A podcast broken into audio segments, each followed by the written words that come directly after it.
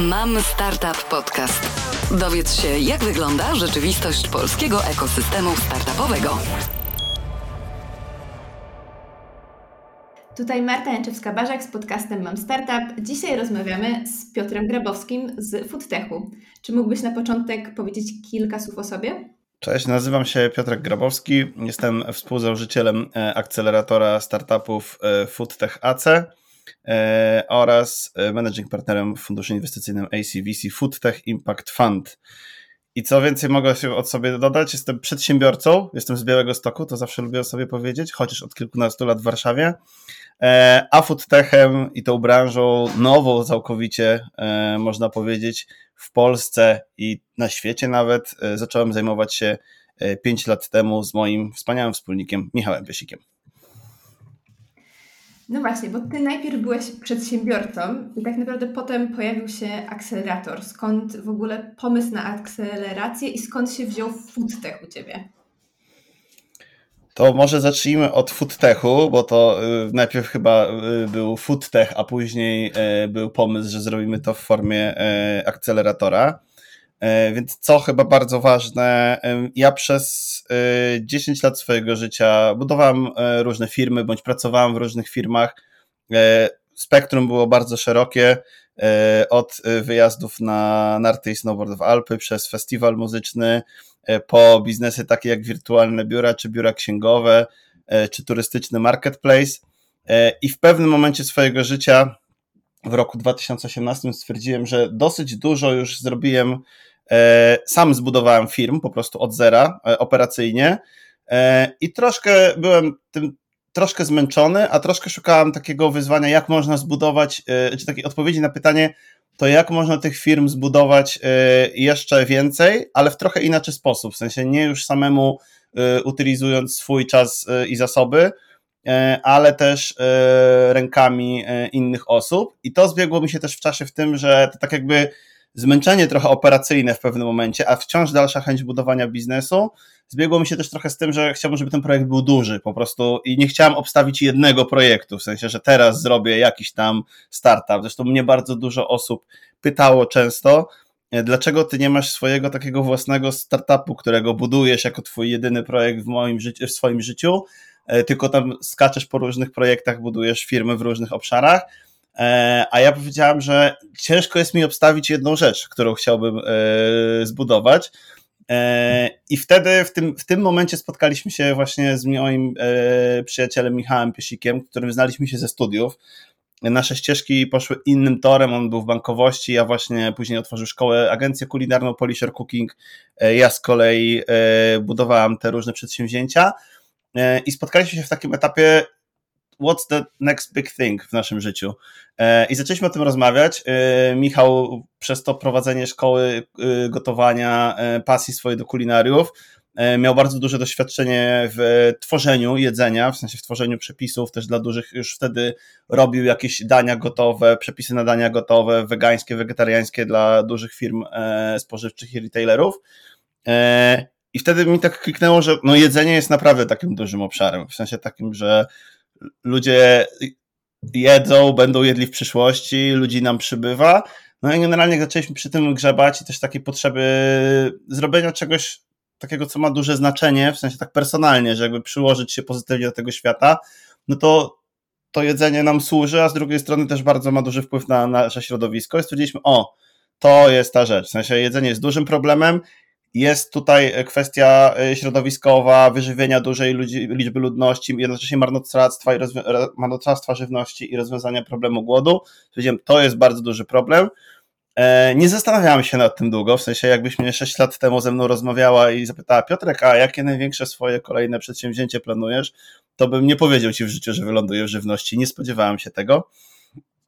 No i wtedy podjęliśmy decyzję, że chcemy w tej żywności działać, że też widzimy, że żywność przeszła taką transformację, nie przeszła jeszcze takiej wielkiej transformacji technologicznej, w sensie ostatnią dużą rzeczą w żywności e, była taka wprowadzenie masowej produkcji gdzieś tam w latach, taka, lata 60., 70. ubiegłego wieku, to są linie produkcyjne masowe i paradoksalnie 50 lat później jesteśmy w sytuacji, kiedy tej żywności jest e, więcej, ona jest bardziej dostępna, jest mniej ludzi głodnych na świecie, ale jednocześnie ta żywność jest mniej zdrowa, bardziej przetworzona, mniej smaczna. E, ja to zawsze mówię, że pomidory straciły smak i do tego droższa. I myślę, gdzie, i tak myśleliśmy, gdzie jest ten problem, w sensie, dlaczego to, to, to tak się dzieje. No i zobaczyliśmy, że po prostu jedzenie nie przeszło i produkcja żywności nie przeszło jeszcze i sektor agro nie przeszły tej wielkiej transformacji, którą przeszła komunikacja, w sensie poprzez internet. Nie zaczęła przechodzić tak jak tu mamy samochody autonomiczne, gdzieś tam się pojawiają, sztuczna inteligencja, algorytmy różne, e, programowanie, internet, to, te wszystkie technologie się pojawiły gdzieś tam w świecie wirtualnym, a w tym świecie fizycznym jedzenia Niekoniecznie. E, I nawet energetyka się gdzieś tam mocno transformuje w ostatnich latach, wciąż nie mamy idealnych rozwiązań, ale w tej żywności, no, jeszcze się dużo nie wydarzyło. Zaczęliśmy przy tym grzebać. E, pojechaliśmy chyba na pierwszy meetup e, foodtechowy w Krakowie, organizowany swego czasu. Później Natalia Hatalska opublikowała swój raport of Future of Food, który zaprezentowała na konferencji InfoShare. No i klikło, po prostu jakby ja tak po kilku miesiącach, my tak sobie pogadaliśmy, ale po kilku miesiącach spotkaliśmy się ponownie i stwierdziliśmy, że robimy. Więc już wiedzieliśmy, że foodtech i wiedzieliśmy, że technologia, e, że, że żywność i technologia, czyli foodtech. I następnym krokiem e, naszym było, no to co my właściwie chcemy zrobić? No chcemy, żeby więcej technologii tutaj powstawało, czyli takich młodych spółek technologicznych, więcej startupów, więcej projektów gdzieś może z uczelni, z tych czeluści, laboratoriów, które nieczęsto są szybko komercjalizowane, bo gdzieś tam utykają w biurokratycznej maszynie e, uczelnianej. E, I wtedy trochę stwierdziliśmy, że ja byłem mentorem w kilku akceleratorach, e, w, w Reaktorze, w Mazowianie, w Business Poland, e, w Wawacu, tych akceleratorów trochę było. Już przyglądałem się startupom od jakiegoś czasu, dzieliłem się z nimi swoim przedsiębiorczym doświadczeniem i stwierdziłem, stwierdziliśmy z Michałem, akcelerator to jest to, bo on łączy wszystkich interesantów w tej branży, czyli te młode spółki technologiczne, tych dużych, te duże firmy spożywcze, które powinny implementować technologię i czy to robią, czy nie robią, to jest właśnie ten znak zapytania, na ile są na to otwarte. Ja, takich ludzi jak my, czyli ludzi z doświadczeniem biznesowym, z też z pasją do zmieniania czegoś, tego statusu quo, tego jak to teraz wygląda. I z czwartej strony, no potencjalnie inwestorów i rynków kapitałowych, które też szukają e, nowych wyzwań, nowych obszarów, tak? Bo no wiadomo, już niektóre obszary są jak zostają przeinwestowane, no to też ludzie chętnie sięgają po nowe obszary, a w foodtechu w ogóle praktycznie nic się wtedy w 2018 roku inwestycyjnie e, za bardzo e, nie działo. E, I to chyba tak wygląda ta historia, w sensie zebraliśmy te wszystkie potrzeby w jeden taki twór, akcelerator, spotkaliśmy się wtedy regularnie z Miszą, co tydzień e, pracowaliśmy nad programem akceleratora, rozmawialiśmy z innymi osobami, które prowadziły programy i stworzyliśmy swój własny program, który, o ile dobrze pamiętam, ogłosiliśmy nabór do niego 1, 5 marca 2019 roku. Wrzuciliśmy to tylko na swoje prywatne sociale Facebooka, LinkedIna, no i wtedy nam to wszystko wybuchło, w sensie nagle się pojawiło zainteresowanie, E, nabór do pierwszej edycji, 80 e, aplikacji e, od różnych ciekawych projektów, z których wybraliśmy 5 i zaczęliśmy pierwszą edycję akceleratora. I tak to się wszystko zaczęło. I ile już edycji zrobiliście na ten moment? Ile startupów przeszło przez wasz akcelerator? Za nami jest 6 edycji akceleracji. Łącznie są to 30, 32 startupy. 25 e, z nich wciąż, 24, e, przepraszam, wciąż z nich istnieją, funkcjonują, rozwijają się. 11 z nich jest, e, przepraszam, 8 z nich jest po rundach finansowania. Przepraszam, 11, nie, jeszcze raz. 11 z nich jest po rundach finansowania w wysokości minimum miliona złotych. Każdy pozyskał, niektórzy już dwa.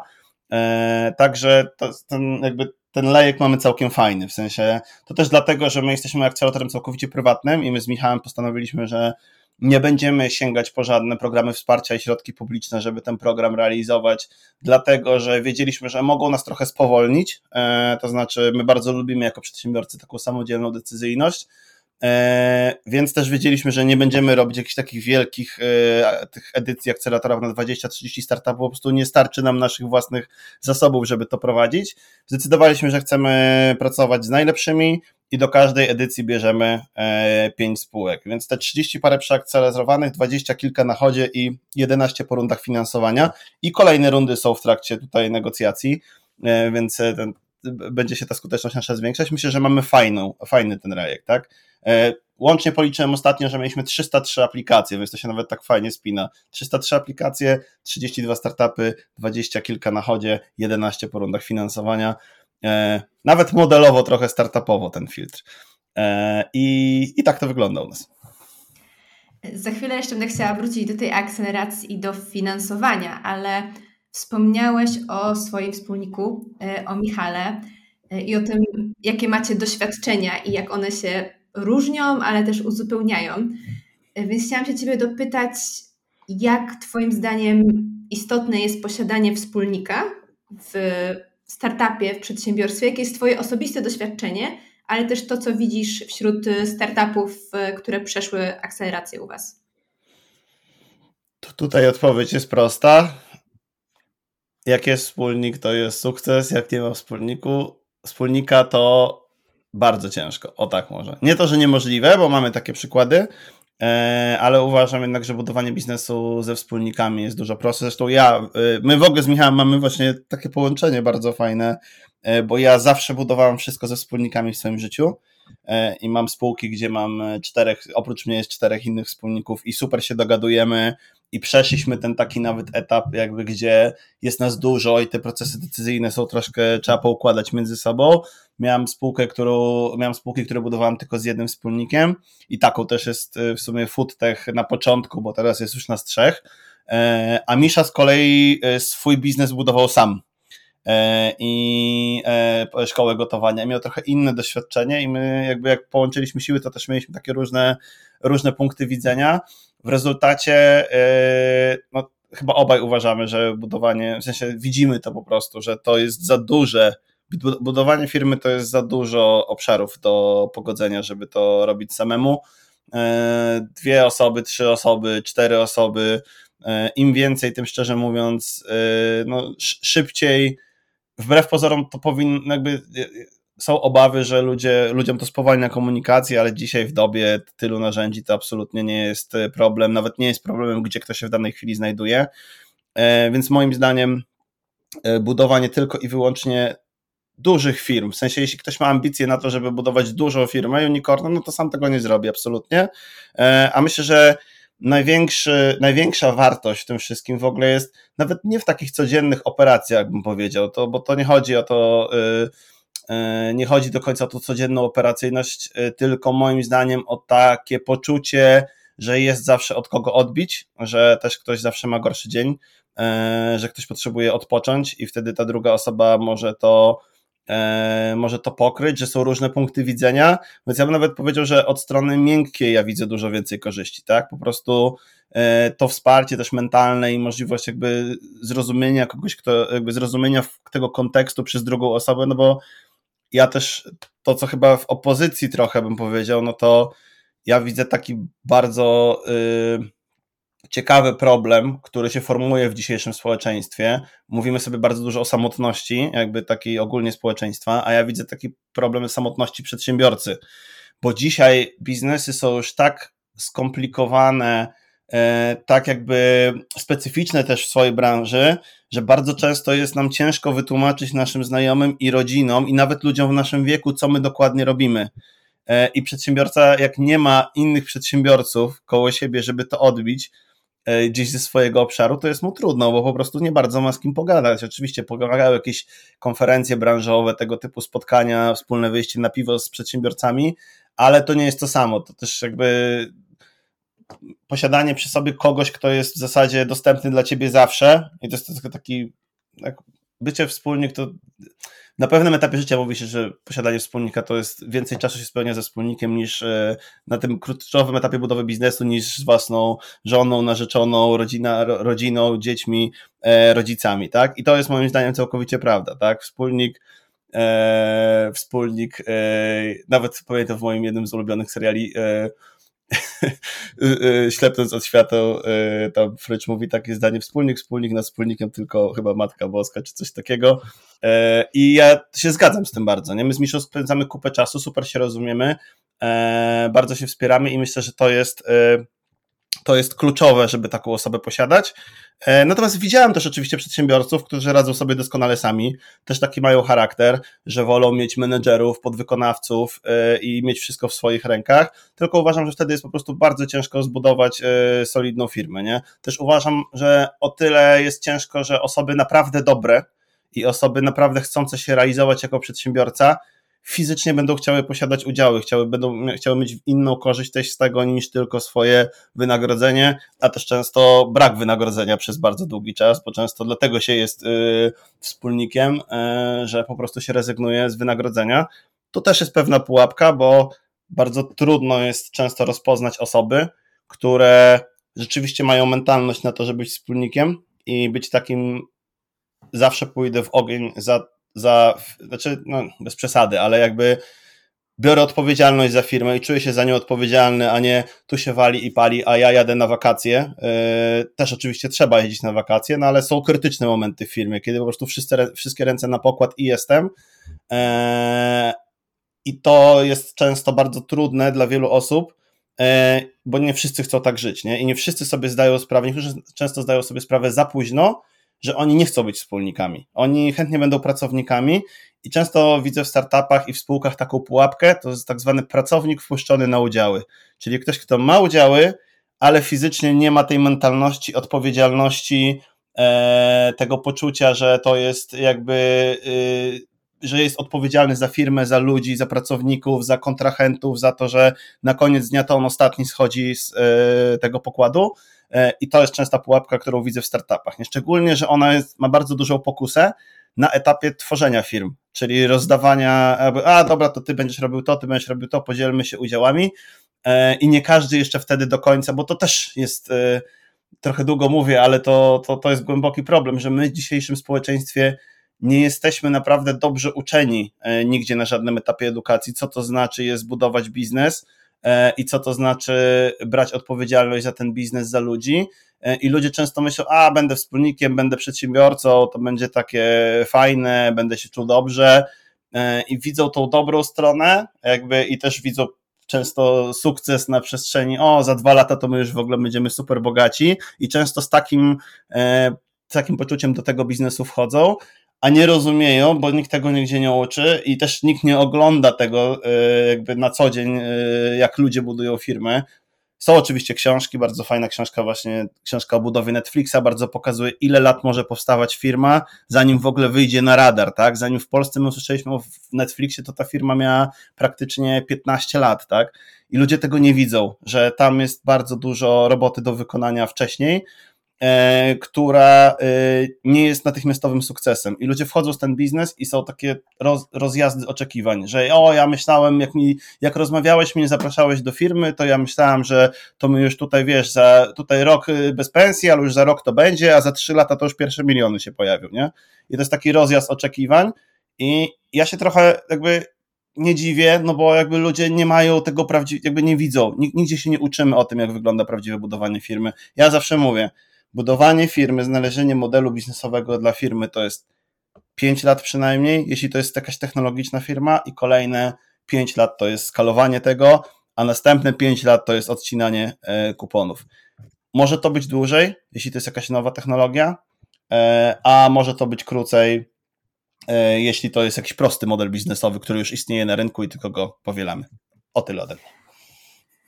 Pojawiło nam się tutaj bardzo y, dużo wątków, ale chciałam jeszcze chwilę podrążyć y, ten temat wspólników. Czy masz jakieś takie rady, przemyślenia a propos tego, jak dobierać wspólnika, jak szukać wspólnika i co jest ważne na początku takiej relacji, żeby sobie ustalić? Może nie wiem, gdzieś spisać, jak w ogóle do tego podejść? Ja w większości moich przedsięwzięć staram się przerobić coś, co nazywa się umową między wspólnikami i nie chcę, żeby to brzmiało jakoś strasznie, e, bo to nie musi być żadna formalna forma. Wystarczy, że to jest spisane i, w miarę opisane i gdzieś podpisane albo wisi gdzieś na drive, więc nie, nie mówię tu o żadnym formalizmie. To jest porozmawianie bardzo szczere o tym, jakie mamy oczekiwania od firmy, ale też od życia, od samych siebie nawzajem e, bardzo często ludzie nie biorą pod uwagę, że znajdują się na różnych etapach życia. Typu ktoś właśnie e, skończył studia i ma kupę wolnego czasu, a ktoś właśnie, komuś właśnie urodziło się dziecko, no i nie będzie w stanie e, pracować po 16-20 godzin dziennie, co spokojnie osoba 26-letnia po studiach przeżyje i poradzi sobie, czy 24-letnia może pracować i po 16 godzin i byłem w tym miejscu i da się tak funkcjonować. Jedna osoba będzie chciała no, za 5 lat gdzieś się przeprowadzić, budować dom, druga osoba spokojnie jeszcze 10 lat pożyje w wynajmowanym mieszkaniu, więc to często jest omówienie kwestii biznesowych i takich, jakie jakby mam oczekiwania finansowe, ile jestem w stanie pracować bez wynagrodzenia, a jak wynagrodzenie to jakie, e, a ile czasu jestem w stanie poświęcać, ale też takie kwestie bardzo życiowe, nie? w sensie, które, o których ludzie często nie myślą zakładając firmę, bo myślą, a to jest biznes, to nie będzie wpływać na moją sferę prywatną, będzie, a tym bardziej będzie wpływać, im słabiej to teraz na początku poukładasz, tak? Bo jeśli mamy takie przypadki w akceleratorze, że przychodzą bardzo fajni ludzie e, z bardzo fajnymi projektami, a później na przykład rodzą się dzieci właśnie i e, żona albo mąż mówią, no teraz więcej czasu w domu i oni tak ten biznes zaczyna spadać z priorytetu gdzieś tam, e, na przykład, e, a jak to jeszcze ktoś godzi z etatową pracą, ale już staramy się takich ludzi do akceleracji nie brać, żeby ktoś tam na etacie równocześnie siedział, raczej 100% commitmentu do projektu, ale mieliśmy takie przykłady. Więc to sobie wszystko omówić. To, I to mówię, jest, kwestia personalne są bardzo ważne, nie? W sensie z tymi ludźmi, z którymi buduje się biznes, będzie się spędzać bardzo, bardzo, bardzo dużo czasu. E, I od, te kwestie prywatne momentu życiowego są ważne. No i są to kwestie biznesowe, tak? Podział udziałów, wynagrodzenia, yy, ile czasu możemy czekać na te wynagrodzenia, gdzie chcemy być. Też bardzo często ludzie nie rozmawiają o tym, gdzie my chcemy, żeby ta firma zaszła, tak? Czy jesteśmy gotowi na to, żeby mieć 300-osobową firmę, czy raczej, czy raczej keep it family i chcemy mieć 30 osób w tej firmie, tak? Czy chcemy pompować się, wejść mega na giełdę i wyjść i zapomnieć z tej firmy na przykład, czy tam sprzedać ją komuś za 10-15 lat, czy chcemy w tej firmie być 10, 20, 30 lat i chcemy na przykład, nie wiem, żeby nasze dzieci ją przejęły w przyszłości, tak? Więc o tym też trzeba porozmawiać, tak? Jakby Chińczycy mają takie mądre przysłowie, myśląc, wchodząc myśl o wyjściu, tak? W sensie wchodzisz w jakiekolwiek e, przedsięwzięcie, to pomyśl, jak chcesz z niego wyjść, tak? Czy chcesz w nim być, czy się zgadzacie wszyscy na, na ten układ gdzieś tam. E, więc to myślę, że są kluczowe kwestie, no bo są ja tak szczerze mówiąc bardzo często patrzę na to z moimi wspólnikami, z którymi zbudowałem e, właśnie e, biznes, e, współpracownię w Białymstoku. To jest coś takiego, że jak się wyrównamy na poziomie mentalnym, takim, że my w ogóle podzielamy podobne wartości i w podobnym kierunku idziemy gdzieś tam, to reszta to są szczegóły operacyjne, nie? I to też bardzo często jest tak, że te szczegóły takie operacyjne można załatwić mailem na Slacku, to są niuanse, ale tej kwestii takiej mentalnej, szczerej rozmowy nie załatwisz online, nie? To jest coś, co, coś, co trzeba, wymaga wielu godzin, spotkań, przegadania, zobaczenia, gdzie kto jest w którym momencie życiowym i tego szczerego powiedzenia się. I to wynika z tego, o czym mówiłem wcześniej. Osoby, z tymi osobami będzie się spędzać naprawdę bardzo, bardzo dużo czasu i tego się po prostu nie da w żaden e, sposób wykluczyć. Więc ja no to jest oczywiście bardzo dużo schematów w internecie, jak spisać umowę między wspólnikami. E, ja e, to, co zawsze mówię, postarajcie się do tego podejść szczerze i personalnie. I jest jeszcze jedna rzecz. Zauważyłem kiedyś z moimi wspólnikami, że myślimy bardzo idealistycznie, spisując taką umowę, że się oszukujemy trochę, że myślimy sobie, a to, bo mi się wydaje, że ja to bym chciał to i to, a w gruncie rzeczy takie bardzo górnolotne rzeczy tam pisaliśmy w tych umowach, a w gruncie rzeczy zapominaliśmy o naszych codziennych potrzebach, w sensie takich, że każdy z nas będzie jakby chciał mieć y, jakbyś urlop, czy chciałby właśnie zbudować ten dom, że jakby są takie daily rzeczy, że myślę, o tam chcielibyśmy zmieniać branżę, nie? I chcielibyśmy być y, cutting edge technology, coś tam globally albo in Europe, nie? Spoko, ale pamiętajcie też o tych rzeczach bardzo prostych, nie? W sensie takich y, codziennych, które was powodują, żeby będziecie mieli siłę na to, żeby ten biznes budować. A jeśli ktoś zaczyna budować swoją firmę, swój startup, jest sam w tym na razie, to jak Twoim zdaniem najlepiej szukać wspólnika, jak się za to zabrać i czy w ogóle w takiej sytuacji, że jeśli już zaczynamy coś sami, czy to jest, jest ta wartość też z tego posiadania wspólnika, czy w takim wypadku lepiej zostać e, samemu w tym biznesie? E, znaczy, ja mam taki patent, e, który mi się zawsze gdzieś tam e, sprawdzał i on jest chyba nawet teraz wróciłem z jednej konferencji foodtechowej ze Szwajcarii, gdzie spotkałem osobę, która, z którą prawdopodobnie zaczniemy współpracę. Trzeba szukać, ja to mówię, że taki nieprostszy w ogóle schematem, zawsze miałem tu taki, taki, tak, taką anegdotę, że wystarczy zacząć robić jakiś event albo meetup w danej dziedzinie, w której się działa e, i zobaczyć, kto będzie przychodził i mniej więcej na drugim, trzecim spotkaniu pojawi się osoba, która ci powie, że chciałaby się może jakoś zaangażować i później zacznie, albo nawet trzy takie osoby się pojawią i one zaczną ci pomagać, jedna odpadnie po miesiącu, druga odpadnie po tam dwóch miesiącach, a trzecia z tobą zostanie, nie? I to jest takie właśnie sprawdzenie się w boju, jak długo jesteś w stanie robić coś y, odkładając y, gdzieś tam niekoniecznie kasę, bo czasem te meetupy mogą być płatne i tak dalej, nie? I może tam być jakaś kasa, ale tako, w sensie kto jest z tobą w, te, w tej drodze tak bezinteresownie trochę na dłużej, tak? E, I myślę, że te, te, formaty są fajne. Chodzenie w miejscach, gdzie, pojawianie się w miejscach, gdzie są podobni ludzie, no bo oni tam nie chodzą bez powodu, też szukają jakichś e, e, koneksji, wyzwań. E, I to jest chyba dla mnie taka ścieżka. Ja, ja, ja mam to szczęście, że w moim życiu zawsze to ktoś do mnie przychodził. W sensie jakby ja miałem, y, ja jestem takim trochę osobą, która chętnie chłonie pomysły innych, czyli ktoś do mnie przychodzi z wizją, a ja o dobra, to robimy i ja jestem tym, co robi, nie? E, I to mi się zawsze gdzieś zdarzało właśnie w takich miejscach typowo, no jak chcę robić biznes, to chodziłem na jakieś meetupy, eventy, konferencje biznesowe, startupowe i tam tych ludzi po prostu bardzo często e, spotykałem, którzy którzy, którzy no po prostu podzielali moją wizję. No czasem też warto pewnie pogrzebać po swoich znajomych, bo e, z jednej strony niektórzy myślą, że to jest bardzo duże zagrożenie, że tam budowanie z przyjacielem, znajomym, coś tam, E, z drugiej strony, no, znasz tą osobę wiele lat, znasz ją na wylot i te, jakby znowu, te aspekty psychologiczne, mentalnie, ponieważ się przyjaźnicie, lubicie, macie wyrównane, e, więc łatwiej wam będzie dogadać kwestie biznesowe, bo jak jesteście inteligentnymi ludźmi, no to też zrozumiecie, jakie są różnice biznesowe między wami, kto ma jakie kompetencje. Więc ja myślę, że szukać, e, koniecznie szukać i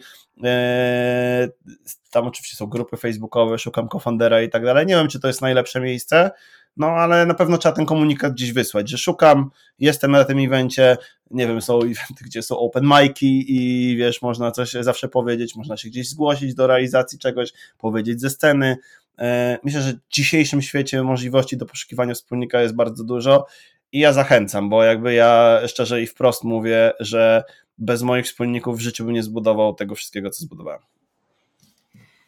A masz jakieś takie rady albo praktyki, które u Ciebie się sprawdziły, jak nazwijmy to tak, no, dbać o tą relację ze wspólnikiem w trakcie już prowadzenia takiego biznesu, no bo wiadomo, wszyscy chcą, żeby było jak najlepiej, żeby biznes rósł i no, było wszędzie tylko jednorożce i, i tęcze, ale no, w praktyce jest tak, że pojawiają się problemy, nie zawsze jest prosto, a raczej w świecie startupów chyba cięż, częściej jest ciężko, niż prostość, przynajmniej na początku, to co zrobić, jak współpracować z takim wspólnikiem, żeby trochę tak się zabezpieczyć i zadbać o tym relacje zawczasu? W sensie yy, zabezpieczyć, yy, żeby nie zniszczyć tej relacji, tak? W sensie, żeby ona nie, nie jakoś nie, nie, nie poszła w pył w toku różnych yy, wariacji i perturbacji biznesu, tak? Dokładnie, dokładnie. No to ja myślę, że y, też różnie jest ze wspólnikami, bo niektórzy wspólnicy będą naszymi super życiowymi przyjaciółmi, takimi, z którymi chciałoby się robić wszystko, a inni wspólnicy będą tacy, że oni są fajni w biznesie, ale niekoniecznie są to ludzie, z którymi jeździłbyś co, wiesz, co trzy miesiące czy co roku na wakacje, nie? Co trzy miesiące może za intensywnie w startupach, no ale y, są też mini wakacje, przecież nie zawsze trzeba jechać na dwa tygodnie, tak? E, więc to też trzeba sobie rozróżnić. Niemniej, od, niezależnie od typu wspólnika, czy to jest wspólnik taki bliższy, przyjaciel, czy taki po prostu wspólnik, z którym ma się dobrą relację, polecam i to też praktykuję właśnie i z Miszą, i z moimi wspólnikami z y, Białego Stoku, spotykać się raz w miesiącu, bo my na przykład praktykujemy to ze wspólnikami. Z Miszą się częściej widzę, ale też dlatego, że po prostu żyjemy w jednym mieście i, i prowadzimy gdzieś jakieś, mamy wspólnych znajomych dużo, e, ale ze wspólnikami w Białymstoku na przykład mamy taką umowę, że się spotykamy raz w miesiącu e, na trzy bądź więcej godzin, bo się spotykamy po południu i praktycznie nie rozmawiamy o biznesie, w sensie rozmawiamy o tym, co u nas, e, jak się czujemy, jakie mamy plany. Coś tam zawsze się dotknie tego biznesu, bo jest ciężko, ale jest inny cel, tak, w sensie spotkania, taki jakby bardziej casualowy jakby update, pójdziemy sobie na wspólną kolację, e, czasem sobie gdzieś wyjedziemy, czasem sobie, e, ostatnio nie mogą wziąć udziału, moi wspólnicy sobie poszli na szkolenie strzeleckie na przykład, więc takie rzeczy też oderwane od biznesu, żeby sobie budować tą relację gdzieś tak długotrwale, żeby ona nie była tylko osadzona na tych celach biznesowych, nie? Bo wtedy, kiedy pojawi się jakieś spięcie w biznesie, bądź trudna sytuacja, z którą nie każdy będzie mógł sobie gdzieś tam poradzić, to jest ten drugi grunt, który was spaja, tak? Nawet jeśli on e, nie jest, e, nie, jest nie, nie ma takiego codziennego kontaktu, to ta regularność jest bardzo ważna, nie? I my staramy się na przykład w tym roku z okazji dziesięciolecia naszego e, biznesu tam w Białymstoku. Robimy sobie wielki rodzinny z rodzinami wszyscy wyjazd y, do Toskanii, nie? Taki, że to już jest ten czas, że teraz już nie tylko spotkania gdzieś tam w Polsce i coś tam, tylko jedziemy sobie za granicę całymi rodzinami, to jest jakiś taki czas, więc to, to, to mi się wydaje, że to budowanie takiej relacji na innej płaszczyźnie niż tylko biznes, no bo wiadomo, no tam taski sobie zawsze można jakieś rzucać, mailami się wymieniać, ty zrób to, o spotkania biznesowe od, odbywać wspólnie i nawet wspólnie dużo pracować, no ale się sorry, no jak się wspólnie siedzi nad Excelem czy Preską, to nie jest super środowisko. W sensie to też buduje jakąś relację, ale to jest ta relacja biznesowa, a warto mocno zadbać e, o tą prywatną i to wtedy super ekstra procentuje w czasie, e, w którym jest trudno. E, I ja miałem taką sytuację w zeszłym roku, bardzo trudną, w którym zbiegły się moje jakby prywatne problemy z problemami w naszym jednym biznesie. I to, co czułem wtedy właśnie dzięki tej zbudowanej relacji, to po prostu poczułem, że w najgorszym momencie mojego życia to ci wspólnicy po prostu zrobią dla mnie wszystko, nie? W sensie pomogą mi, wyciągną mnie z największego bajora, dzięki temu, że jakby ja czuję, że ja bym to samo zrobił dla nich, nie? Że to jest, i to dzięki właśnie tej budowanej relacji, bo jeśli z kimś się trzyma relację taką biznesową, to nie ma czegoś takiego, nie? A znowu zwracam uwagę, że dla każdego, kto buduje bardzo duży biznes, kwestia życia prywatnego i kwestia życia e, biznesowego nie będzie żadnego work-life balance, będzie work-life mixture, jakby nie możesz sobie nawet wyobrazić, jak to się będzie przeplatać e, i jak to będzie, mm, jak to będzie po prostu wpływać jedno na drugie, tak? I też często e, myślę, że ludzie po prostu zwyczajnie o tym e, nie rozmawiają. Nie rozmawiają po prostu o swoim takim prywatnym aspekcie budując biznes i to jest dla mnie, to jest moim zdaniem taka e, cenna rada, jak uniknąć, e, jak zbudować relację ze wspólnikiem, żeby później w tych trudnych sytuacjach ona okazało się, że ona jest naprawdę silna i silniejsza niż tylko pieniądze, udziały, zyski, straty i inne, innego rodzaju takie biznesowe kwestie. To może wracając tak e, do naszego no tak pierwotnego tematu, czyli do akceleracji i dofinansowania, wydaje mi się, że temat akceleracji no, w ekosystemie u nas już zdecydowanie nie jest obcym tematem i raczej wszyscy kojarzą, czym są akceleratory. Ale też przynajmniej z mojego doświadczenia akcelerator akceleratorowi nie jest równy i te akceleracje potrafią wyglądać naprawdę zupełnie inaczej, zależnie od tego, gdzie się pójdzie i na kogo się trafi. Czy Twoim zdaniem jest jakiś taki, taka zasada, jak jest, dla jakich startupów i na jakim etapie w ogóle jest akceleracja, kiedy startup mógłby albo powinien się akceleracją zainteresować i czemu w ogóle miałby to zrobić? To ja może e, komentarz do akcelerator akceleratowi nierówny, bo e, lubię go e, od niego zacząć. Mm, myślę, że dużą bolączką etapu, czy znaczy bolączką, może inaczej. Akceleratory w Polsce już dzisiaj są i są popularne, natomiast no, jakbyśmy 10 lat temu rozmawiali, to pewnie naj, naj, najbardziej ambitnym terminem, o jakim moglibyśmy rozmawiać, jest inkubator. I tych akceleratorów w Polsce było w pewnym momencie bardzo dużo. E, bo też część z nich była gdzieś tam realizowana z jakichś środków unijnych. E, część później się przekształcała w jakieś twory prywatne, część jakoś tam istnieje prywatnie, w partnerstwie prywatno-publicznym. E, to, co dla mnie jest super ważne w akceleratorze w ogóle, ja nie będę tu jakby mówił, że ten model jest lepszy czy coś tam. dla mnie to, co widzę, co jest super w akceleratorach i też obserwując yy, takie rzeczy dziś na świecie, to jeśli ekipa, akcel... nieważne nawet jak ten akcelerator ma brand, on się mógł zmienić trzykrotnie w międzyczasie, to, że ten akcelerator ma jakąś taką ekipę, która miała ciągłość budowania relacji między sobą i budowania wiedzy w organizacji. Bo niestety były w naszym kraju akceleratory, które trwały tam dwa lata, się wszyscy rozchodzili i cała wiedza wypracowana y, ginęła. I to, co myślę, że jest najfajniejsze w akceleratorach, to takie, jak, jest, jak one są długotrwałe, jak one już są trochę na rynku i tam jest, e, czy osób, które je robią, mają relacje, jest wytworzona jakaś wiedza. No i teraz, i to, to, to mi się strasznie podoba, że sporo akceleratorów z takich unijnych tworów gdzieś tam u nas przetrwało, tak? W sensie jest teraz komercyjnymi, jakby funkcjonującymi tworami, które sobie super radzą, które po prostu znalazły swój model biznesowy, wykluły się z tego, e, z tych pro, programów unijnych e, i prowadzą je naprawdę fantastyczne ekipy. E, a co, czym się kierować przy wyborze akceleratora jako startup? Myślę, że przede wszystkim tym, na jakim etapie jesteś i czego dokładnie szukasz, tak?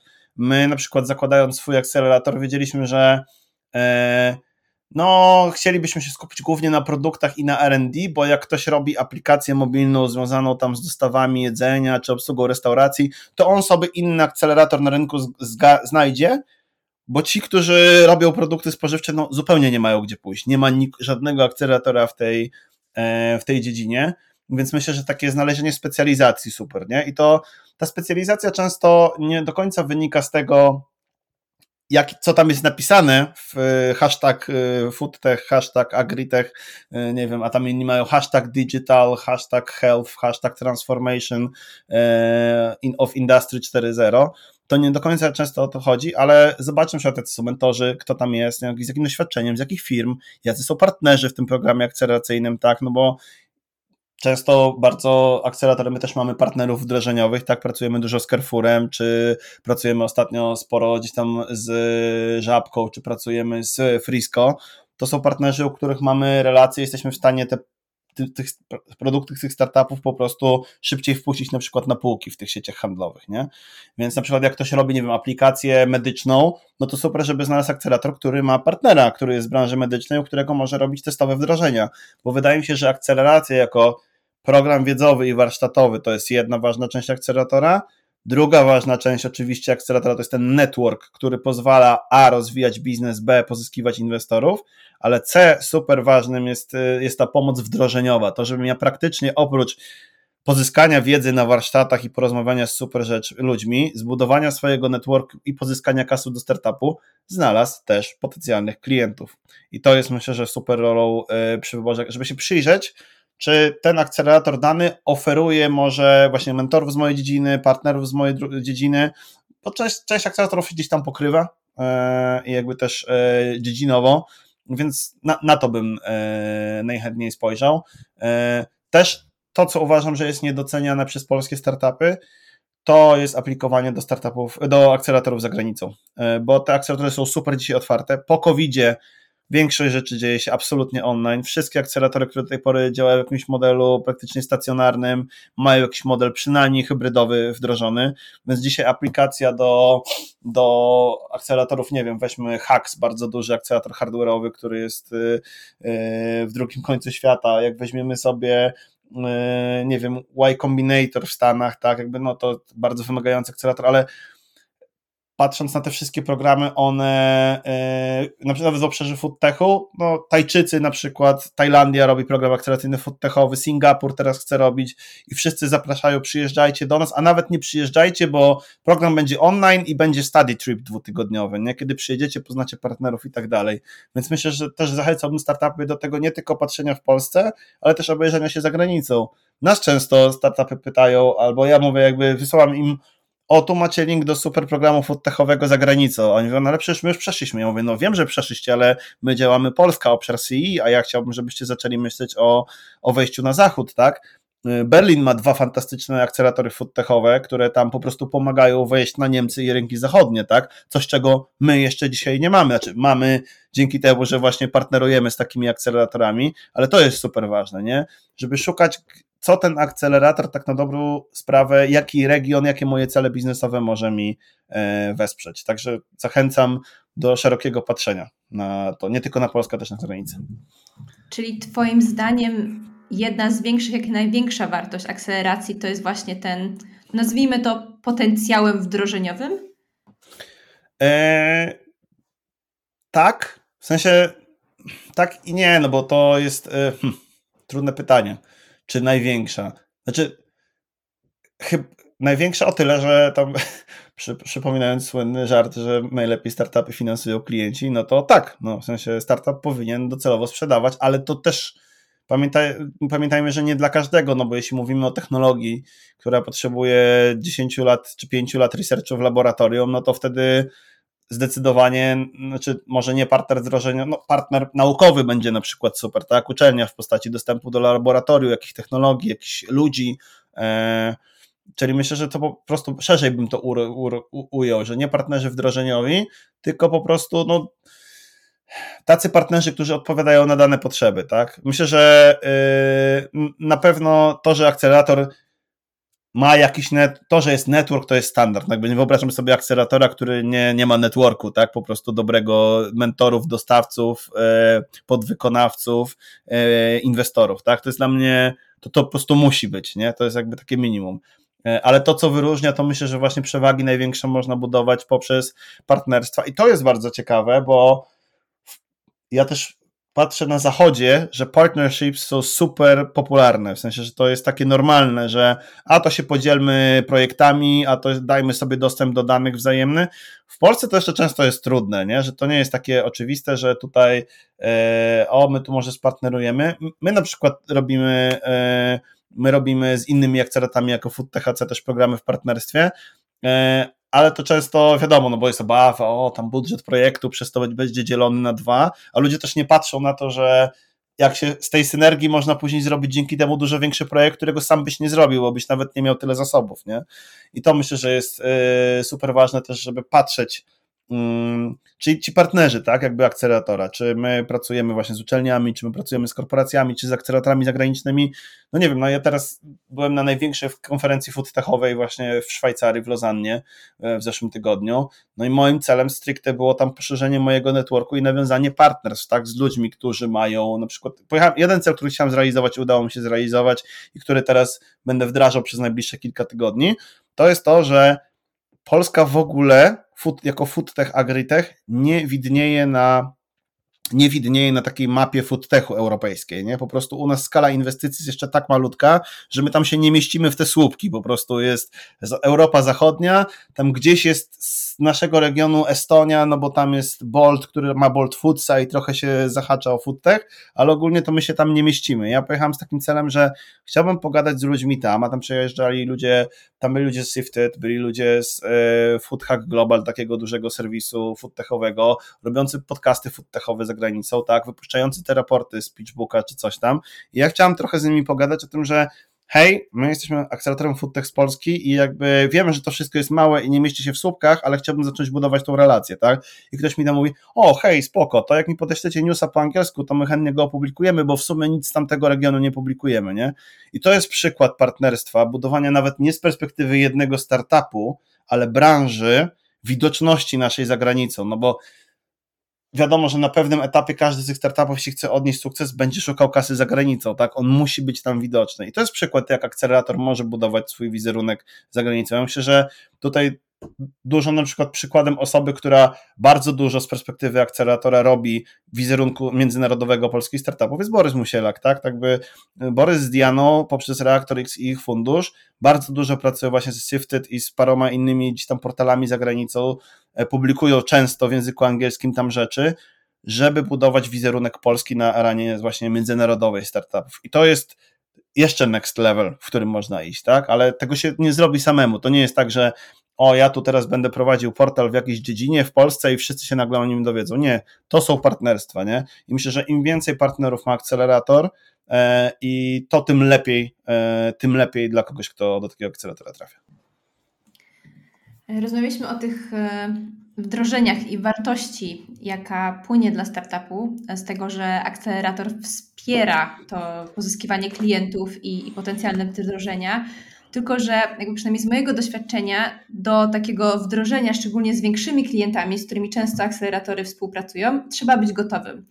I nie zawsze startupy są. I stąd też moje pytanie, na jakim etapie Twoim zdaniem startup powinien się zainteresować akceleracją i jak się do tego przygotować wcześniej?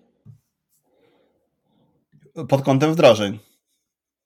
E, tak, pod kątem wdrożeń, ale też pod kątem tego, żeby jak najwięcej z takiej akceleracji po prostu wyciągnąć dla siebie. Okej, okay, dobra. No to jakby ogólnie najlepszy etap na akceleracji to jest już uważam taki, kiedy. Przepraszam.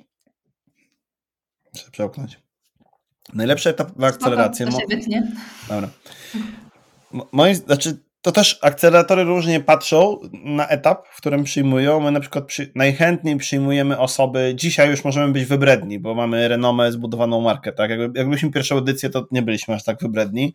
Też musieliśmy się nauczyć, szczerze mówiąc. Ja miałem jakieś doświadczenia z innych akceleratorów, ale też chciałem jakby, no też chcieliśmy szeroko spojrzeć na rynek. E, dzisiaj w zasadzie z automatu odrzucamy ludzi, którzy nie mają przynajmniej e, jakiegoś tam prototypu, no bo to jak nie ma na czym działać, to jest po prostu e, dla nas za wcześnie. Na etapie idea stage, to, czyli na etapie pomysłu, nie, nie przyjmujemy w zasadzie już dzisiaj projektów do akceleratora. No i drugie kryterium to jest takie, no czy ty jesteś gotowy poświęcić 100% swojego zawodowego czasu. Jestem ok z tym, że niektórzy gdzieś dorabiają po prostu, no bo z czegoś to trzeba finansować i chwała każdemu startupowi, który nie przychodzi z podejściem, no jak y, będzie kasa, to ja zrobię ten startup, a jak nie będzie, to nie zrobię, nie? Najbardziej lubię ludzi, trafiają do nas tacy ludzie, którzy mówią, dobra, mam tam jakąś robotę, już jakby skupiam się na tym startupie, odłożyłem trochę kasy, mam jakieś możliwości na start przynajmniej, to nie chodzi o to, że musisz władować to 200 tysięcy, ale żebyś chociaż miał te 10, 20, 30 tysięcy na pierwsze wydatki gdzieś tam e, odłożone i żebyś pokazał, że masz tak zwane skin in the game, czyli że ty oprócz swojego czasu, bo też yy, widzę, że mm, też często ludzie wyceniają swój czas i to jest ok, no ale y, ta kasa to jest jednak kasa, nie? W sensie kasa pokazuje prawdziwe twoje, y, jakby to, że ok, to jest taki ostateczny weryfikator, jeśli ryzykujesz własną kasę zarobioną, nie tylko czas, tylko kasę zarobioną, to pokazuje, to ci naprawdę zależy, nie? I my przede wszystkim zachęcamy ludzi do akceleracji ludzi, którzy mają już produkt, chcieliby go w jakiś sposób, albo prototyp, chcieliby go wdrożyć komercyjnie, skomercjalizować, bądź skalować trochę, bo też my widzimy, zaczynaliśmy w Foodtechu, to były prototypy, które miały iść na wdrożenie, a dzisiaj coraz częściej przychodzą do nas firmy, które mają już nawet produkt wdrożony u kilku klientów, ale chcą mieć dostęp do większej ilości jakby partnerów, właśnie poprzez partnerów wdrożeń właśnie u klientów, nie? Więc te ścieżki mogą być i etapy różne, My na razie mamy jeden tok akceleracji, czyli taki jakby prototyp, wczesny etap, ale z takich osoby, które są bardziej zaawansowane i już dzisiaj bierzemy na indywidualny tok. I z nimi pracujemy inaczej. Oni nie przychodzą 8 tygodni warsztatów.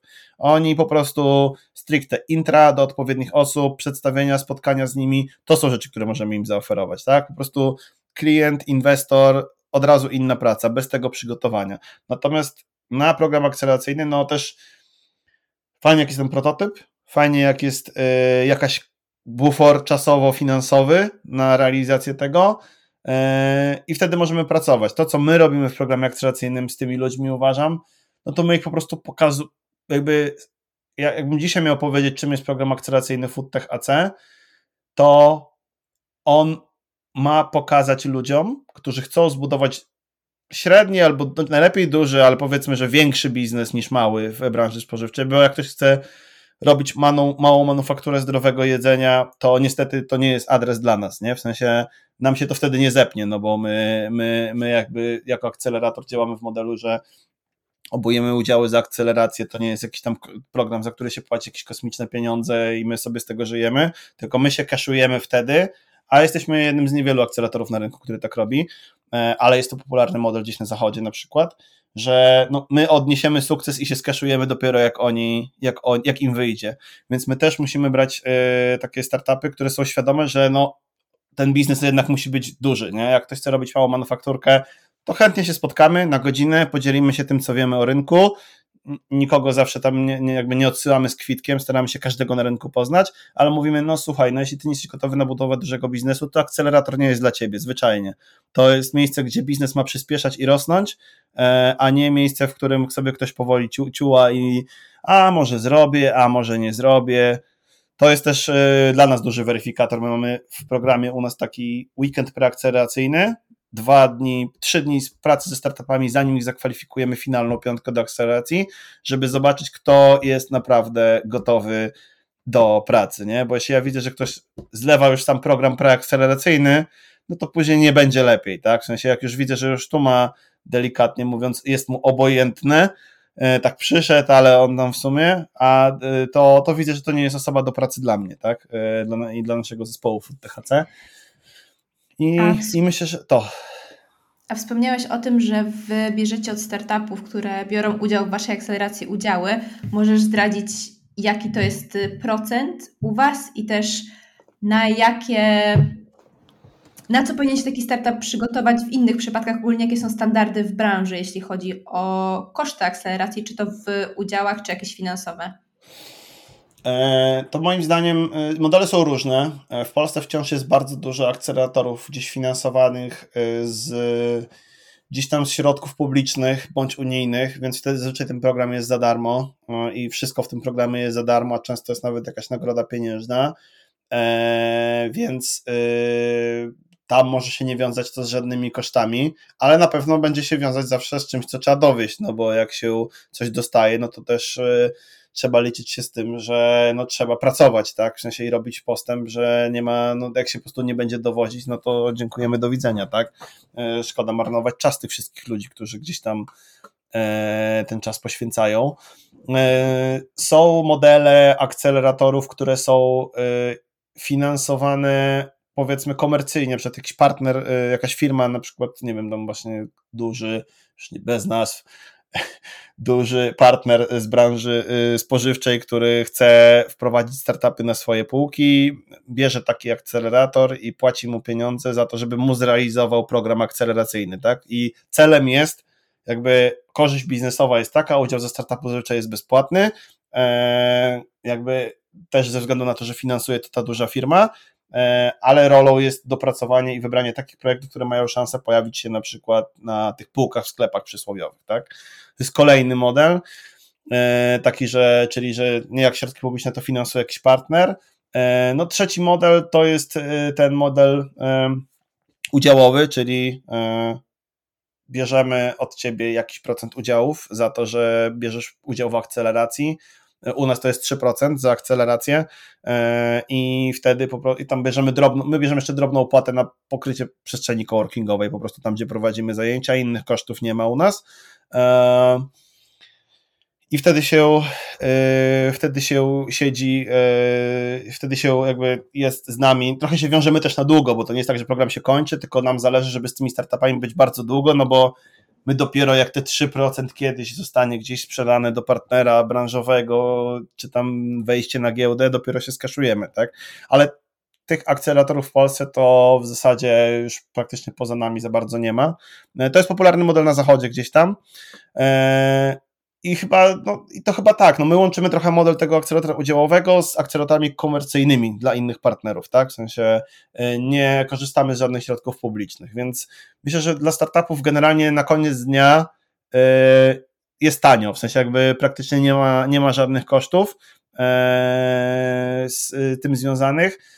Nie spotkałem się chyba w Polsce z programem akceleracyjnym, który by kosztował w sensie pieniądze, także trzeba było, było zapłacić, bo no, jak my sobie liczyliśmy, no to wartość normalna, rynkowa, jakby zliczyć godziny tej całej pracy poświęconej, e, no to, to, to jest wartość między pewnie 50 a 150 tysięcy złotych per startup, tak, dostarczona w takim programie akceleracyjnym, e, więc myślę, że że jest to fajna wartość, tak? E, także, ale nie słyszałem o modelu, w którym to by było finansowane tak przez startup e, komercyjnie. Zawsze na świecie, nawet jak widzę, to zawsze ktoś tam jest jakiś model, czy to udziałowy, czy jakiś partner, który to finansuje, no bo ma w tym interes, bo szuka nowych, ciekawych technologii. Rozmawialiśmy o tym, że najlepszym sposobem na finansowanie startupów są po prostu klienci, ale kiedy taki przedsiębiorca chce i potrzebuje tego, żeby znaleźć zewnętrznego inwestora, to czy akceleracja może mu w tym pomóc? Jak najbardziej. My uważamy, że y, pomoc w poszukiwaniu inwestorów to jest nasze no jedno z głównych y, zadań jako akceleratora, y, no bo y, i to nie dlatego, że tak napisaliśmy, tylko dlatego, no, że jeśli startup nie ma kapitału do rozwoju, a po, potrzebuje go jednak, no to, no to my finalnie no, nigdy się nie skaszujemy z tego, tak, jako akcelerator, więc to nawet nie jest funkcji, z definicji akceleratora, my mamy bezpośredni interes w tym, tak?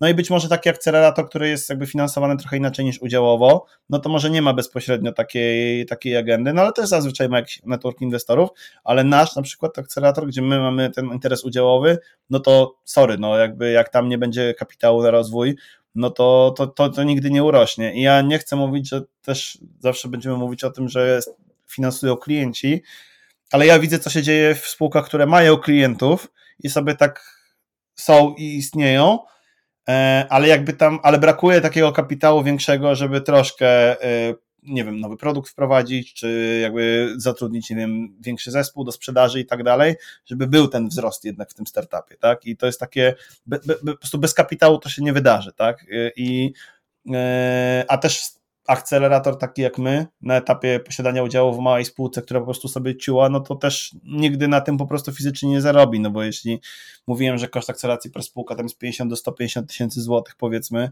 wartości dostarczonej, e, no to my też mamy jakieś koszty, ponosimy tego wszystkiego, organizacji, czasu własnego i tak dalej, no to to kiedy, to ile to musi być 3% wartości tam, nie wiem, sprzedaży tej spółki kiedyś, albo jej przychodu, albo zysku, żeby się z nami tym podzieliła, w jakiej perspektywie, no z mało to nie wyjdzie, nie?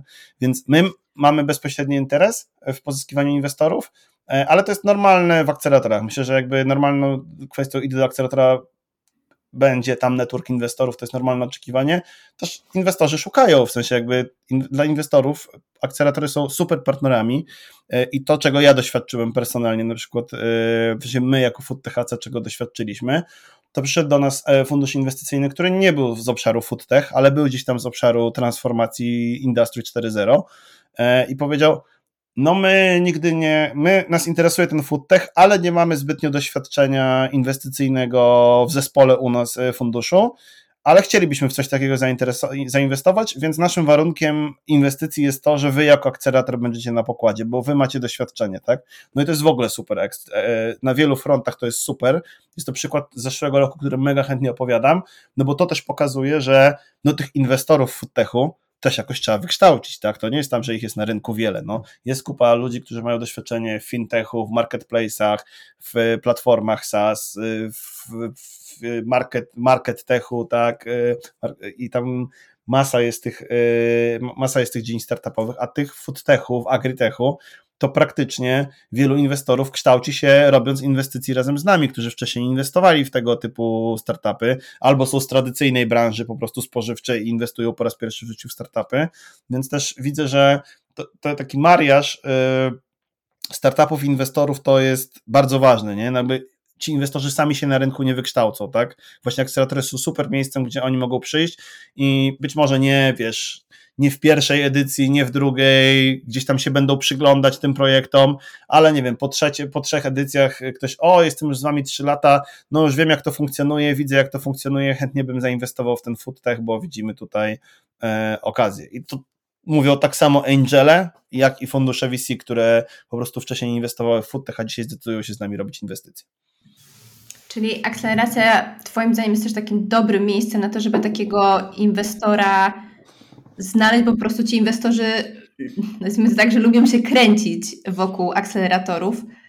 Tak, ale oni też traktują akcelerator jako pierwszy weryfikator. Jeśli ktoś się już dostał do akceleratora i go przeszedł i ten inwestor wie, że ten akcelerator jest dobry i po prostu robi dobrą robotę i wypuszcza dobre spółki, bo widział inne spółki z tego akceleratora, to dla niego to już jest jeden, jeden y, checkbox bądź dwa na due diligence mniej do, do martwienia się, tak?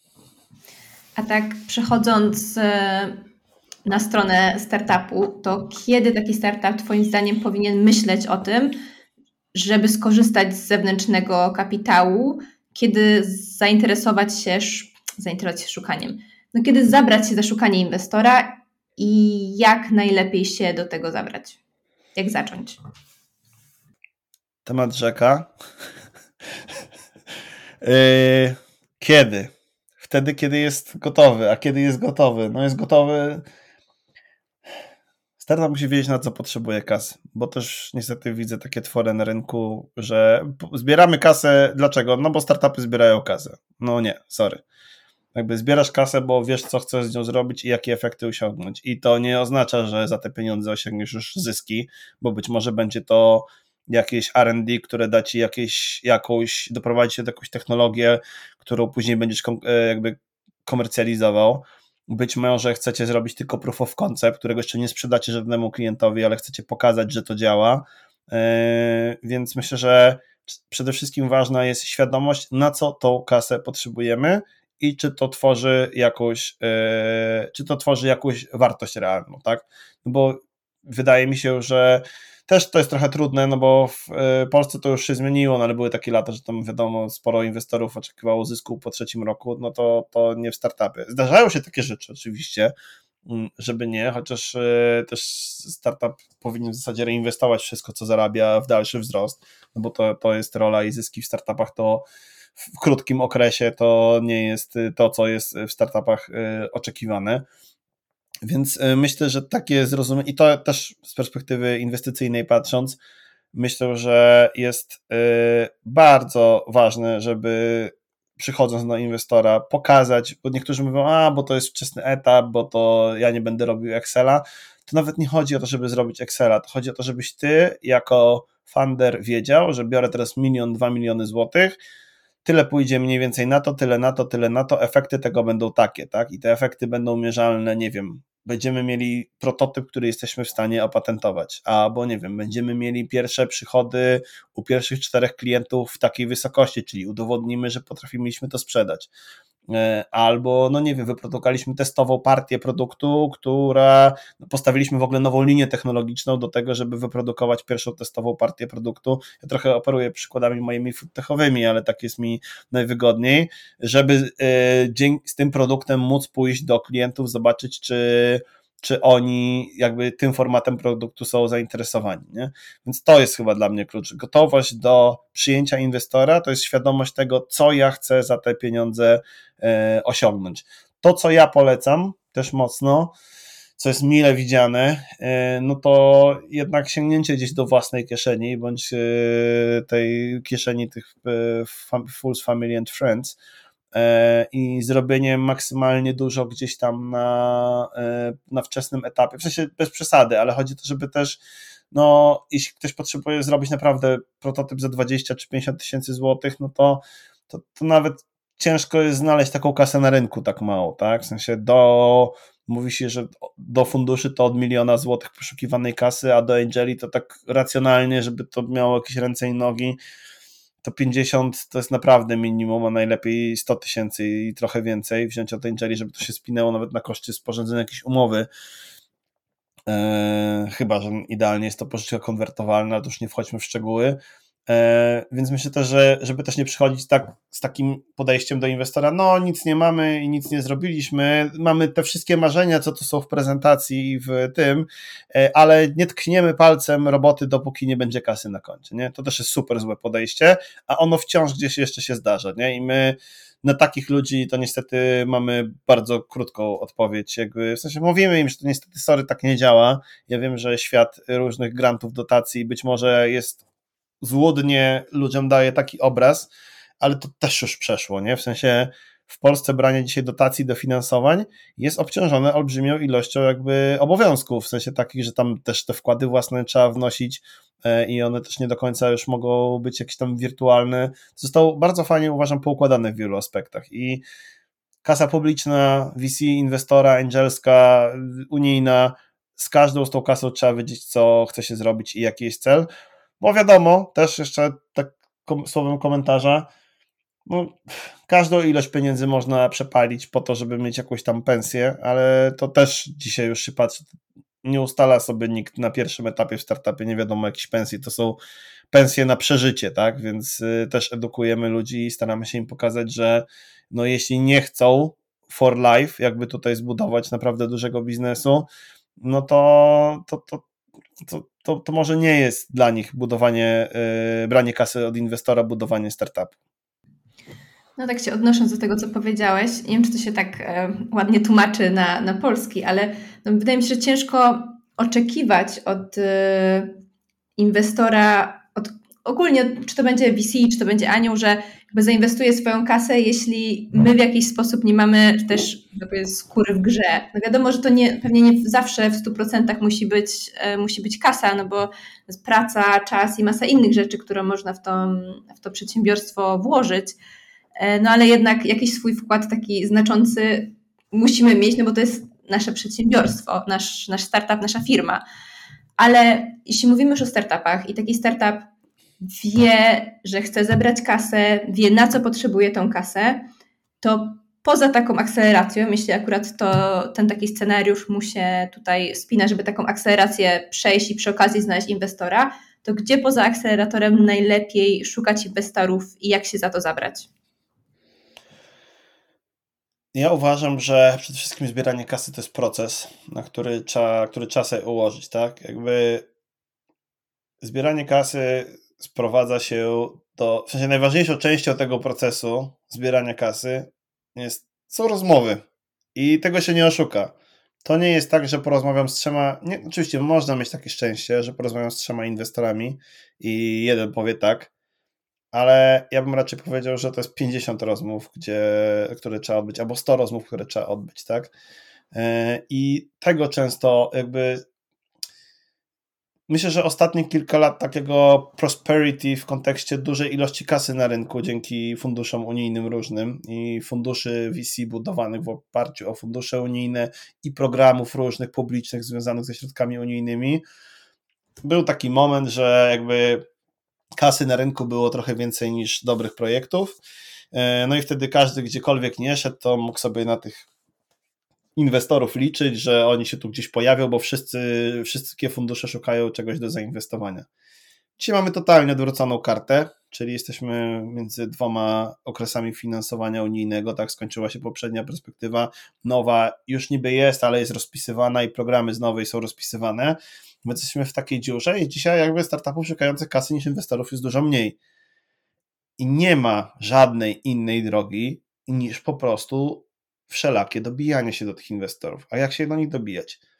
LinkedIn Sales Navigator, wspaniałe miejsce. LinkedIn ogólnie po prostu jako, Sales Navigator gdzieś tam do szukania ludzi o danym profilu z danej branży, eee, jeśli to ma być potencjalnie inwestor branżowy, no bo u nas w branży spożywczej często tacy się pojawiają, my mamy inwestorów sporo z branży, to jest w ogóle jakby po prostu śledzenie, nawet prześledzenie, kto inwestował w twoją branżę wcześniej, tak?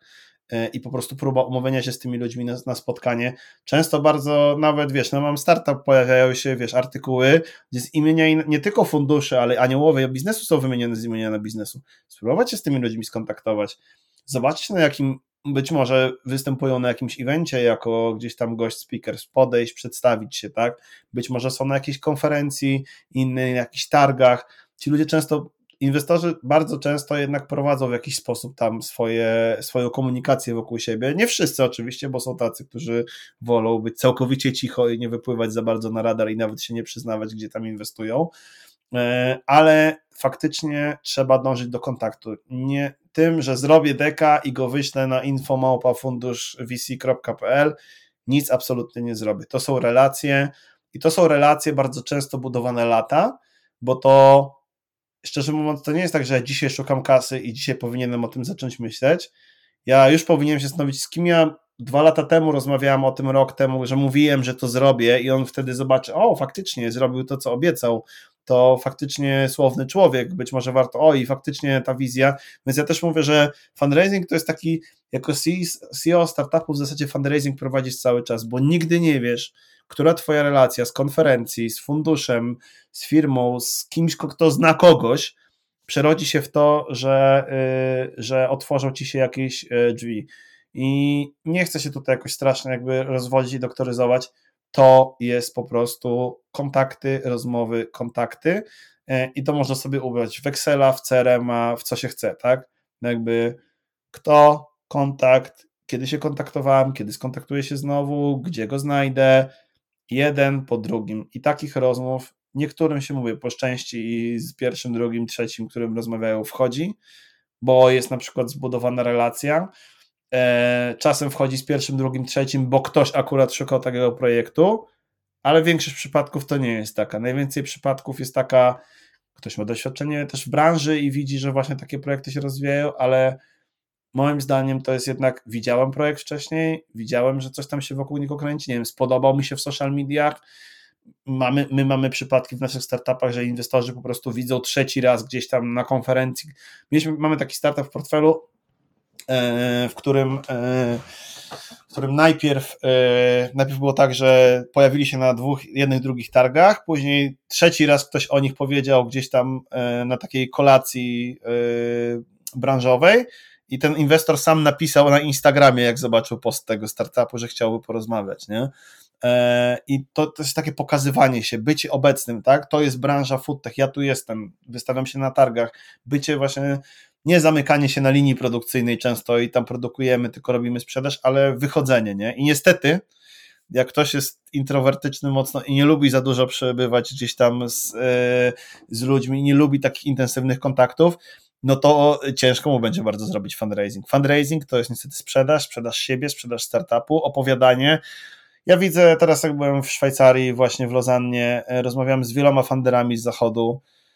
E, jakby ci ludzie są super mini, e, ale oni po prostu jakby są super mini, ale mają mm, więcej, na zachodzie jest trochę takich, nie, nie chcę psioczyć, no ale niestety tak czuję, nie? że ci ludzie po prostu te wiedzą, że no, jak nie będę się promował swojego startupu, nie będę się dobrze sprzedawał, nie będę opowiadał, jak niesamowitych technologii robimy, no to, to, to, to jakby nikt we mnie nie zainwestuje. No, to jest tam.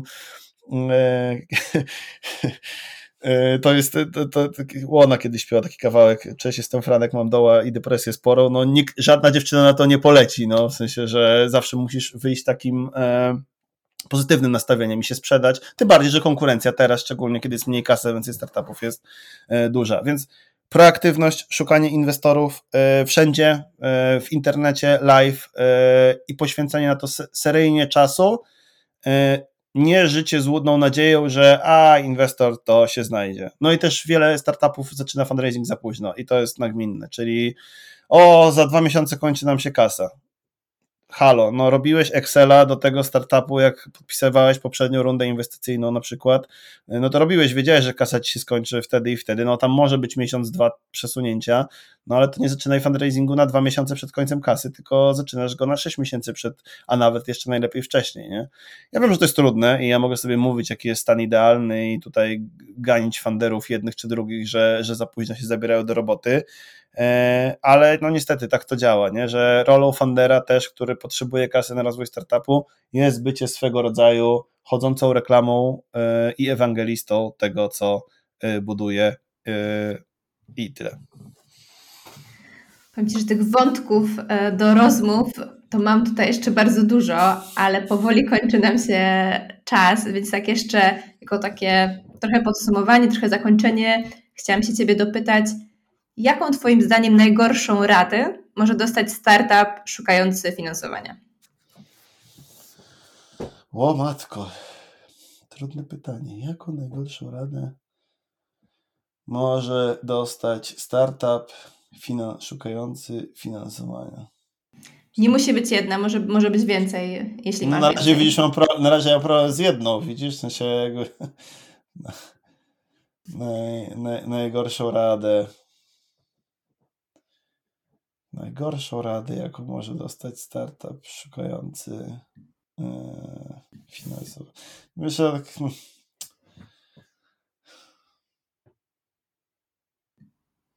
To może nie wiem, kto, nie, nie, wiem, kto miałby radzić, nie? W sensie.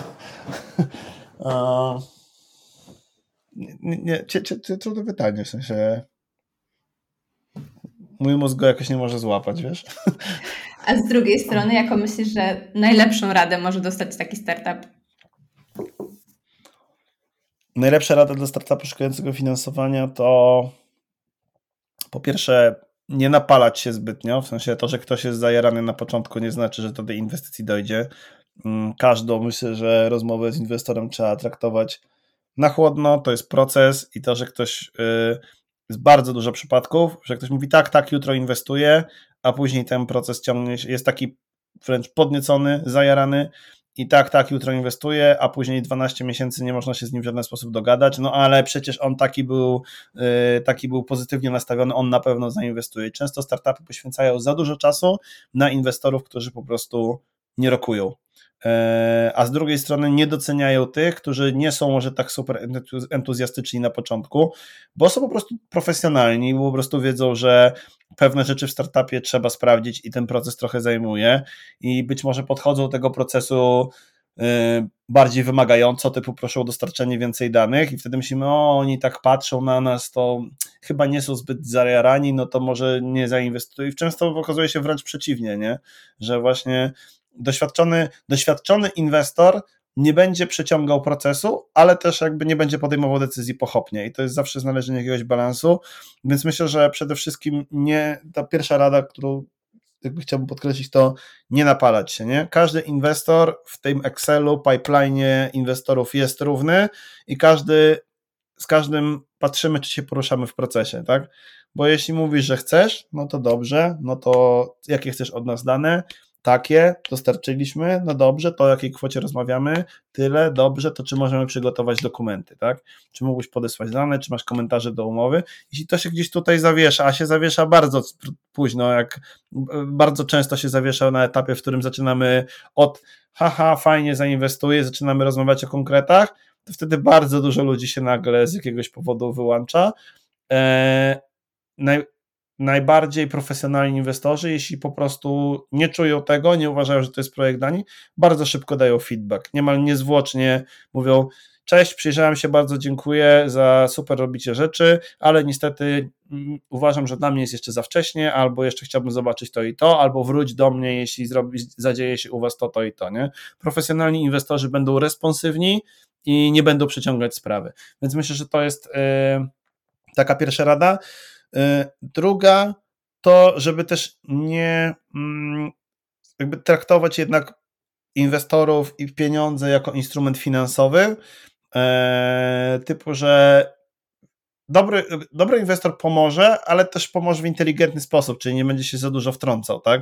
I też jakby też chciałbym myślę, że super ważne dla startupu jest, żeby wzajemnie zaangażować, e, zarządzać oczekiwaniami, bo też widziałem takie po prostu błędy, że inwestor obiecał startupowi coś, startupowi się to podobało, a później inwestor tego nie dowoził, a startup w sumie miał pretensje, nie? W sensie, że nie było takiego meczu wyrównania gdzieś tam, jeśli chodzi o wzajemne e, oczekiwania, więc też chciałbym, żeby to było bardzo jasne, nie? Że jeśli inwestor mówi, że pomogę ci w tym, to lepiej to ustalić przed inwestycją, a nie tylko się tam nastawiać, że o szybciej, szybciej kasa na konto, tylko żeby to też było jasne, nie? Jak ta wartość ma być wniesiona, jak ona ma się wydarzyć, bo często jest tak, że później no, są, y, są takie jakieś nie, niedogadania wzajemne, nie? I po prostu widzę, że bardzo często się zatracamy w tym, że potrzebujemy kasę i jakby tylko się na tym skupiamy, e, a niekoniecznie e, patrzymy na to, jak ten inwestor w ogóle mi jakby leży też personalnie i też ta wartość, którą on wnosi, czy jest mi potrzebna, czy ja chcę, żeby on się angażował, czy on się faktycznie będzie angażować,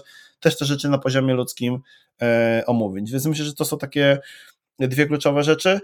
Trzecia rzecz chyba, no to też na wczesnym etapie wiem, że to jest cały czas u nas rynek kapitałowy się kształtuje i to jak umowy są realizowane inwestycyjne, ale starać się jednak na tym wczesnym etapie i edukować inwestora, nie dawać jakimś inwestorom dużo specjalnych, uprzywilejowanych praw pod tym, ponad to, co, da, co, co nakazuje standard rynkowy, bo widzę bardzo często, że startupy potrafią w desperacji dać, jakby, bo to jest dla nich być albo nie być inwestorowi dużo praw, tylko to jednocześnie implikuje to, że ten startup jest później i tak dalej nieinwestowalny, jak się ta kasa skończy. Nie? I to jest takie, a dobra, biorę, bo muszę przetrwać te kolejne 6 miesięcy, ale nie myślę o tym, co będzie za 12.